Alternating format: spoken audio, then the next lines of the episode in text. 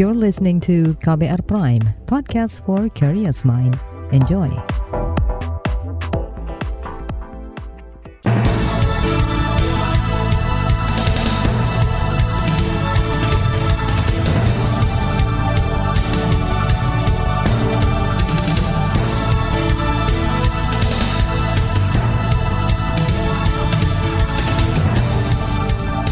Selamat pagi saudara, senang sekali bisa menjumpai Anda kembali melalui program Buletin Pagi untuk kami 10 Februari 2022. Saya Malika, sejumlah informasi pilihan telah kami siapkan di antaranya, pemerintah didesak tunda pengukuran lahan tambang di desa Wadas. Vaksin merah putih memasuki fase uji klinik tahap 1. 33 tahun kasus talang sari di Lampung, hak korban belum dipulihkan. Inilah Buletin Pagi selengkapnya. Terbaru di Buletin Pagi. Saudara sebanyak 64 warga desa Wadas, Kecamatan Bener, Kabupaten Purworejo, Jawa Tengah akhirnya dipulangkan oleh Polres Purworejo kepada keluarganya kemarin. Sebelumnya pada selasa lalu mereka ditangkap polisi karena dianggap menolak kegiatan pengukuran lahan yang dilakukan tim BPN atau pemerintah. Mereka juga dianggap memprovokasi warga desa untuk menolak kegiatan pengukuran lahan. Pengukuran lahan bertujuan menentukan bidang lahan tambang batu andesit yang merupakan bahan material pembangunan bendungan benar. Sementara itu Gubernur Jawa Tengah Ganjar Pranowo kemarin mengunjungi Desa Wadas di hadapan sejumlah warga Ganjar meminta maaf dan menyatakan bertanggung jawab atas insiden penangkapan 64 warga Wadas oleh polisi. Dia juga menyampaikan penghormatannya kepada warga yang masih menolak bekerja sama dalam proses pengadaan lahan tambang batu andesit. Saya ingin menyampaikan minta maaf kepada seluruh masyarakat, wabil khusus masyarakat Purworejo, wabil khusus masyarakat yang ada di Wadas. Karena kejadian kemarin mungkin ada yang merasa betul-betul tidak nyaman. Saya minta maaf dan saya yang bertanggung jawab. Ganjar Pranowo menuturkan ketika gugatan warga Wadas kandas di tingkat kasasi, pemerintah membentuk tim guna mengukur lahan tambang. Ganjar mengklaim pengukuran dilakukan hanya pada bidang lahan milik warga yang setuju. Dari total 617 bidang lahan yang akan dijadikan tambang batu andesit, sebanyak 346 bidang telah mendapat persetujuan warga, sementara 133 bidang lainnya belum memperoleh persetujuan warga pemilik lahan. Ganjar membantah negara menyerobot tanah secara paksa, sekaligus menepis anggapan proyek tambang batu andesit akan merusak mata air dan sawah. Menko Polhukam Mahfud MD menyebut rencana pembangunan bendungan benar dan penambangan batu andesit untuk material bendungan benar sudah berkekuatan hukum tetap dan tidak ada pelanggaran di dalamnya. Dia mengakui adanya gesekan di lapangan saat tim pemerintah mengukur lahan tambang di Desa Wadas, Purworejo. Namun menurutnya gesekan terjadi antar warga desa yang setuju dan menolak pengukuran lahan.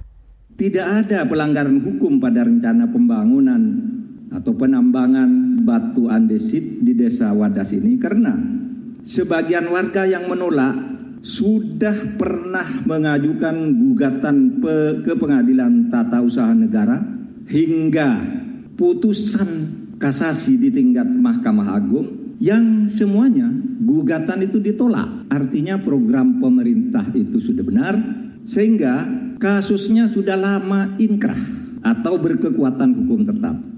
Itu tadi Menko Polhukam Mahfud MD. Sementara itu juru bicara Mabes Polri Ahmad Ramadan membantah aparat melakukan kekerasan saat menangkap puluhan warga yang menolak aktivitas pengukuran lahan tambang batu andesit di Desa Wadas.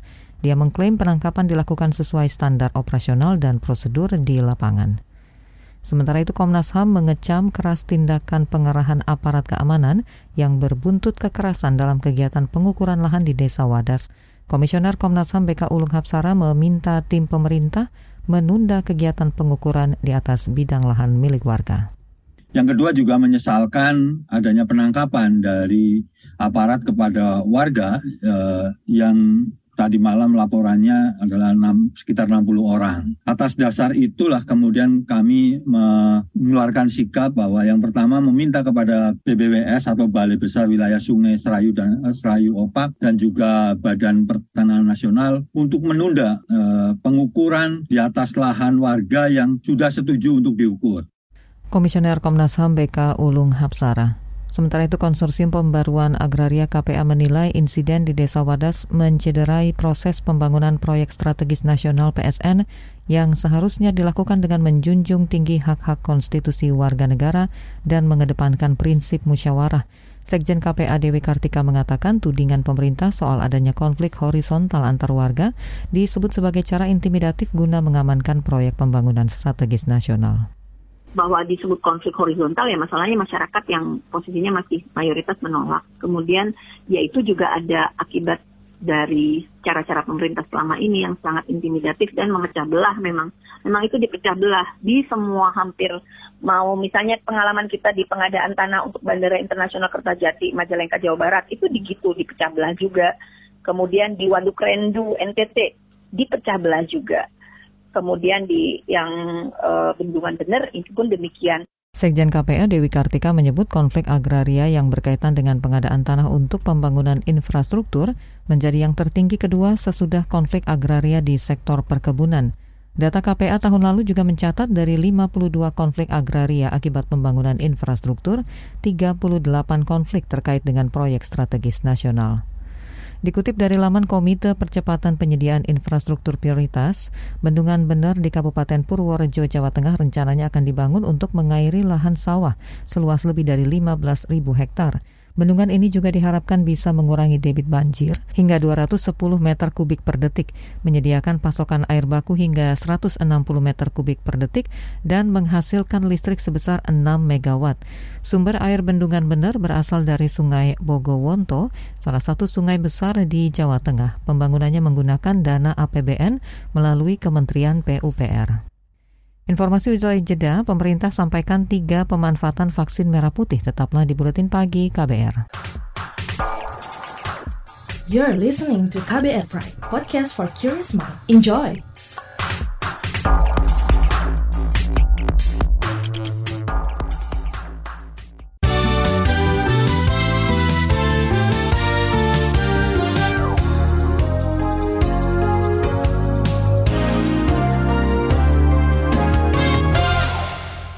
Presiden Joko Widodo menekankan pentingnya keberadaan pers nasional di tengah derasnya arus informasi. Berbicara di peringatan Hari Pers Nasional HPN kemarin, Jokowi menyebut keberadaan pers juga dapat mengawasi kinerja pemerintah dari tingkat paling bawah. Kritik, masukan, dan dukungan dari insan pers sangat-sangat penting. Mengingat jika ada yang mengingatkan, jika ada yang kurang, yang perlu diperbaiki, mendorong yang masih lamban, dan juga mengapresiasi yang sudah berjalan baik agar seluruh jajaran pemerintah dari pusat sampai ke daerah dan desa bekerja dalam frekuensi yang sama, visi yang sama, Kepala negara menambahkan keberadaan pers juga menjadi panduan dan pegangan bagi masyarakat untuk memperoleh sumber informasi terpercaya di tengah derasnya informasi. Keberadaan pers menurut Jokowi merupakan pilar penting bagi kemajuan bangsa. Untuk itu, kebebasan pers dan perlindungan jurnalis di tanah air menjadi hal mutlak serta dilindungi undang-undang. Menteri Kesehatan Budi Gunadi Sadikin mengapresiasi kemajuan penelitian dan pengembangan vaksin merah putih oleh Universitas Erlangga Surabaya, Jawa Timur. Menkes mengatakan vaksin merah putih nantinya akan digunakan untuk vaksin dosis ketiga atau booster dan untuk vaksin anak. Jadi yang pertama bisa di mana gunakan vaksin merah putih adalah booster, kemudian juga untuk vaksin anak ya, terutama di usia 3 sampai 6 tahun. Menkes Budi juga mengutip pernyataan Presiden Joko Widodo yang sudah setuju agar vaksin merah putih dimanfaatkan sebagai vaksin donasi internasional, khususnya kepada negara-negara yang capaian vaksinasinya masih rendah. Vaksin merah putih yang dikembangkan oleh Universitas Erlangga dan PT Biotis Pharmaceutical kemarin memulai fase uji klinik 1 di RSUD Dr. Sutomo Surabaya. Uji coba melibatkan 90 relawan yang disuntikan dua dosis vaksin merah putih dengan interval waktu 28 hari. Data Kementerian Kesehatan kemarin mencatatkan kasus positif COVID-19 di Indonesia bertambah lebih dari 46 ribu kasus. Pasien sembuh bertambah dari 14 ribu orang, lebih dari 14.000 orang dan pasien meninggal bertambah 65 orang. Tiga provinsi menyumbang kasus konfirmasi COVID-19 terbanyak dan di atas 10.000 kasus yaitu DKI Jakarta dengan lebih dari 14.000 kasus baru. Kemudian Jawa Barat dengan 11.000 lebih kasus, sedangkan empat provinsi yang mencatat penambahan kasus di atas 1.000 kasus dalam sehari adalah Banten, Jawa Timur, Bali, dan Jawa Tengah. Komisi Bidang Pendidikan di DPR menilai belum ada kurikulum yang mampu secara efektif menekan hilangnya keterampilan belajar atau learning loss di masa pandemi COVID-19. Bahkan menurut anggota Komisi Bidang Pendidikan di DPR, Abdul Fikri Fakih, kurikulum darurat yang diklaim pemerintah efektif berjalan selama pandemi di Tenggarai hanya bisa diterapkan di kota-kota besar.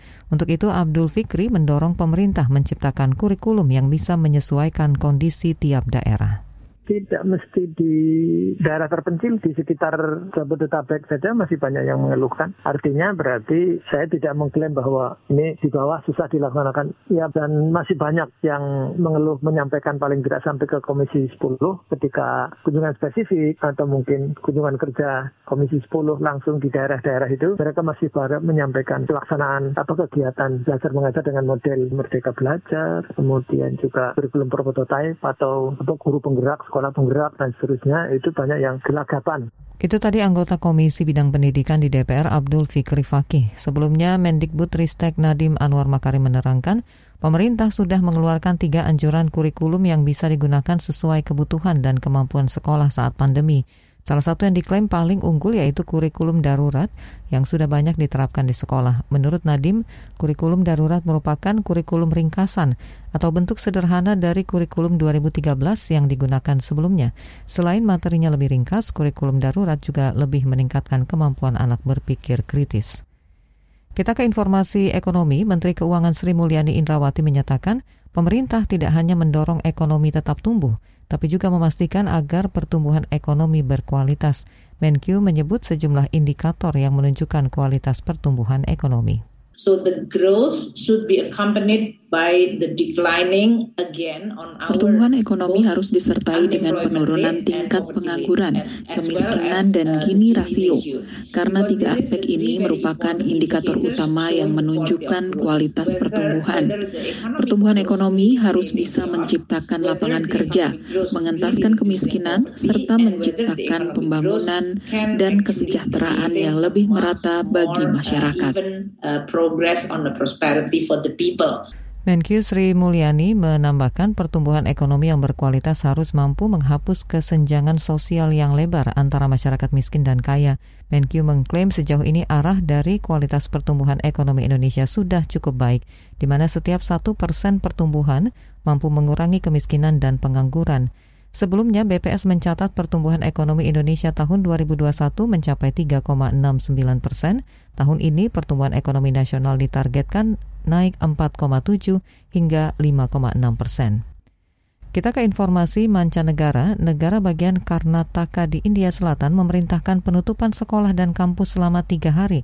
Menurut Kepala Menteri Pas Basa Faraj Bomai, penutupan dilakukan sesudah larangan penggunaan jilbab bagi siswi muslim berbentuk aksi protes. Pekan lalu, sejumlah sekolah di kota pesisir Udupi menolak siswi muslim yang berjilbab datang ke sekolah. Akibatnya kalangan orang tua dan murid melakukan protes. Eskalasi ketegangan memanas ketika para siswi Hindu yang mengenakan selendang saffron justru memadati kelas-kelas. Mereka mendukung larangan penggunaan jilbab bagi siswi muslim di sekolahnya. Bomai menyerukan semua murid, guru, dan manajemen sekolah serta kampus saling menjaga perdamaian dan keharmonisan umat beragama. Negara bagian Karnataka memang mayoritas warganya beragama Hindu dan hanya 12 persen saja yang Muslim.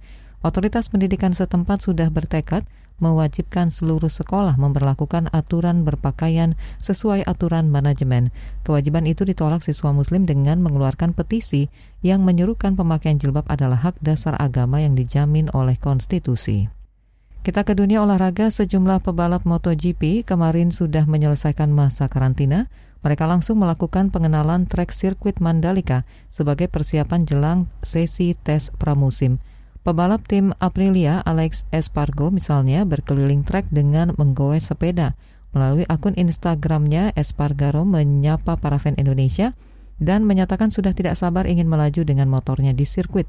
Sementara pebalap Ducati, Francesco Bagnaia dan Marco Bezzecchi dari tim VR46 memilih berjalan kaki mengelilingi sirkuit.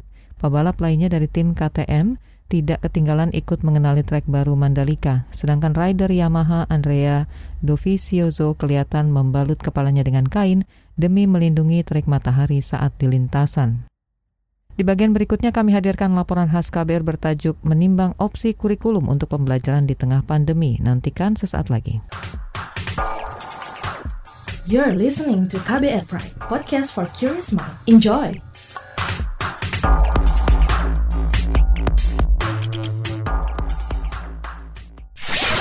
Commercial break.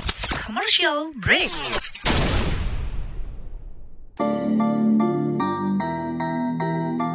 Come on yo.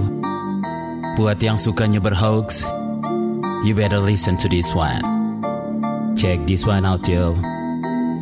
Hati-hati kalau baca kabar Hoax. Jangan langsung disebar kabar yang Hoax. Kalau mau tahu kabar benar atau Hoax Dengerin cek fakta yang pasti bukan Hoax. Dengerinnya setiap Senin yang jelas bukan Hoax. Cuma ada di kbrprime.id Dan aplikasi podcast lainnya. Hoax. Sudah cukup-cukup hoaxnya? Hoax. Cukup. Jaga emosi, tahan jari, verifikasi sebelum dibagi. Saya Ari Bowo Sasmito, Ketua Komite Pemeriksa Fakta Mafindo. KBR Prime, podcast for curious mind.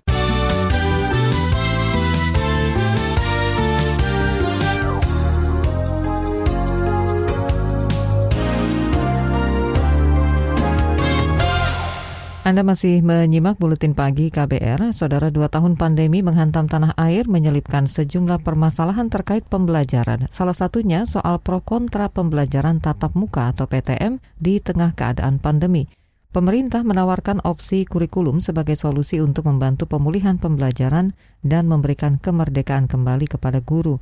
Selengkapnya, laporan ini disusun jurnalis KBR Astri Septiani. Kebijakan pembelajaran tatap muka ikut terdampak imbas adanya lonjakan kasus COVID-19. Pemkot Solo, Jawa Tengah terpaksa menghentikan pembelajaran tatap muka atau PTM di berbagai sekolah di wilayahnya selama sepekan ini. Wali Kota Solo Gibran Rakabuming Raka mengatakan akan mengevaluasi kembali pekan depan terkait pembukaan kembali PTM di sekolah. Ya PTM kami evaluasi seminggu ini ya. Nanti minggu depan kita putuskan apakah masuk atau tidak. Yang jelas kalau minggu depan bisa PTM ya PTM. Kalau orang tua yang masih takut mengirimkan anaknya ke sekolah ya PJJ boleh. Tidak dianggap absen. Nanti kita lihat seminggu, seminggu ini dulu ya kita evaluasi ya. Bersabar dulu. Surveillance jalan PJJ langsung diaktifkan ya. Pandemi dituding sebagai penyebab terjadinya learning loss atau mandeknya kemampuan akademis dan keterampilan siswa. Itu sebab Kemendikbudristek menawarkan kepada sekolah untuk tetap menggunakan kurikulum 2013, kurikulum darurat atau kurikulum prototipe. Mendikbudristek Nadim Anwar Makarim memastikan satuan pendidikan bebas memilih kurikulum mana yang hendak digunakan. Kata Nadim awal bulan lalu, kurikulum itu menguatkan guru dan mengembangkan pembelajaran yang sesuai dengan kebutuhan dan kemampuan murid-muridnya. Alasannya, sekolah dan gurulah yang paling memahami apa yang terbaik bagi murid-murid. Kita akan mulai menawarkan kurikulum yang jauh lebih merdeka. Sekarang lagi di tes di sekolah-sekolah penggerak. Kurikulum yang satu bisa dimengerti oleh guru. Kedua, fleksibel sehingga guru boleh mengadaptasi sesuai dengan kebutuhan dan kemampuan murid-muridnya. Dan ketiga, memberikan kesempatan untuk guru berkreasi dan berinovasi. Sehingga proses pembelajaran itu jauh lebih mudah. Jadi kita bukan ganti menteri ganti kurikulum, bukan. Kurikulum yang akan kita tawarkan adalah kurikulum yang memberikan kemerdekaan kembali kepada guru-guru. Nadi mengatakan, penggunaan kurikulum tergantung kepada kesiapan masing-masing sekolah. Menurut analis kebijakan Pusat Asesmen dan Pembelajaran Pusmenjar Kemendikbudristek Susandi Sufyadi, Penyederhanaan kurikulum 2013 menjadi kurikulum darurat diklaim mampu mengurangi dampak kehilangan pembelajaran siswa yang signifikan. Hal itu disebabkan penyusunan kurikulum fokus pada capaian kompetensi esensial yang juga menjadi dasar pembentukan kurikulum prototipe di sekolah non-penggerak. Tujuannya adalah memang untuk pemulihan pembelajaran, supaya guru-guru kita punya waktu yang lebih leluasa, punya kesempatan yang lebih leluasa untuk merancang pembelajaran berpusat kepada peserta didik bahwa ya. pengembangan kurikulum prototipe ini tidak serta merta ujuk-ujuk ada tapi ini melanjutkan pengembangan kurikulum sebelum-sebelumnya. Jadi ada benang merahnya gitu ya. Guru SMA Negeri Batu Ampar Tanah Laut Kalimantan Selatan Nurul Mahbubah menceritakan banyaknya persoalan yang muncul terkait pembelajaran saat pandemi. Kata dia melalui media sosial Kemendikbud, sebelumnya guru hanya berfokus pada penyelesaian penuntasan kurikulum, sehingga siswa akan merasa terbebani. Saya merasa dengan kebijakan tersebut saya lebih mendapatkan fleksibilitas. Ketika saya hanya mengajarkan kompetensi dasar atau kompetensi esensial, yang harus saya sampaikan kepada siswa tentu ini mempermudah. Ini membuat saya tidak begitu terbebani. Begitu juga kepada siswa saya. Mereka pasti akan lebih memunculkan kreativitas. Dukungan pemberlakuan kurikulum saat pandemi itu datang dari Wakil Ketua Komisi Pendidikan di DPR, Agustina Wilujeng Paramestuti. Meski begitu, dia mendorong pilihan kurikulum ditentukan sekolah. Yang tahu eh, paling tahu apa yang baik untuk siswa adalah sekolah itu. Biar sekolah rembukan sama gurunya. Ini model anak-anak di Jawa Tengah bagian pesisir itu metode belajarnya cocoknya begini. Yang bagian kota Semarang cocoknya begini. Jadi kita ambil opsi yang seperti ini. Nah, itulah yang kemudian nanti diharapkan akan menurunkan angka learning loss. Kenapa kalau dihantam semuanya sama ini modelnya belajarnya kayak anak-anak di Jakarta nggak bisa mah ada yang di Maluku sana. Nggak ada i, apa internetnya. Gurunya harus jalan-jalan. Nah itu juga adalah salah satu dari opsi yang diberikan. Demikian laporan khas KBR saya Astri Septiani. Saudara informasi daerah akan hadir. Usai jeda tetaplah di Buletin Pagi KBR. You're listening to KBR Pride, podcast for curious mind. Enjoy!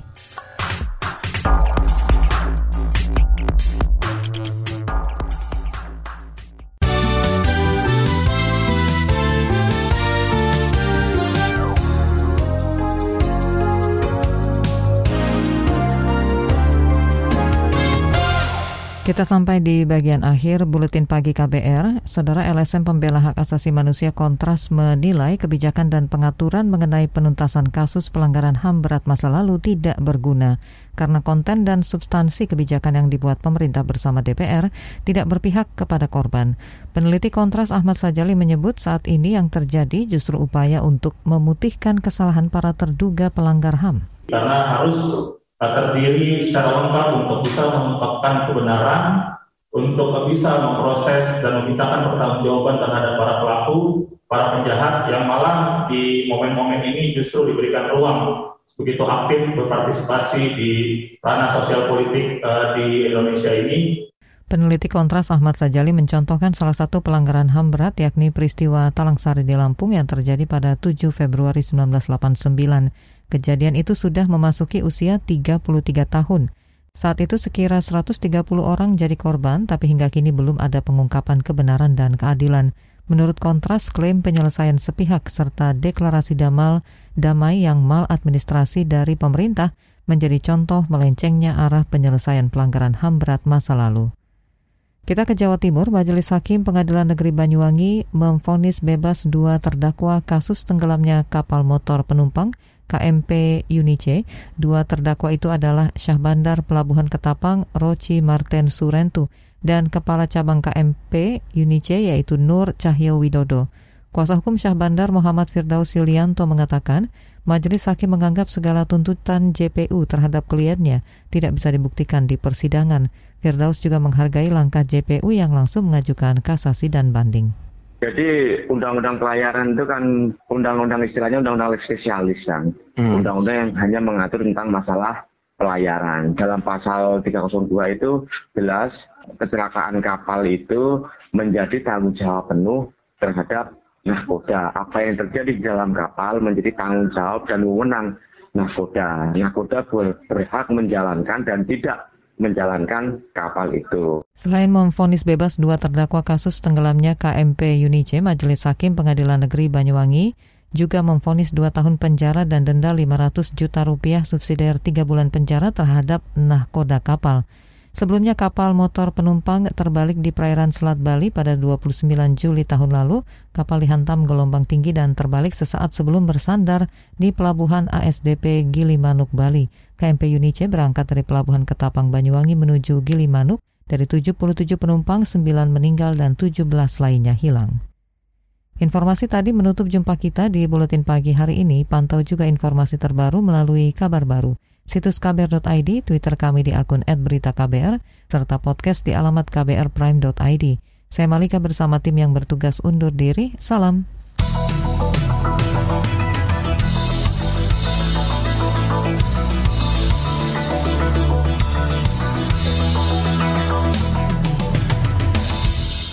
KBR Prime, cara asik mendengar berita. KBR Prime, podcast for curious mind.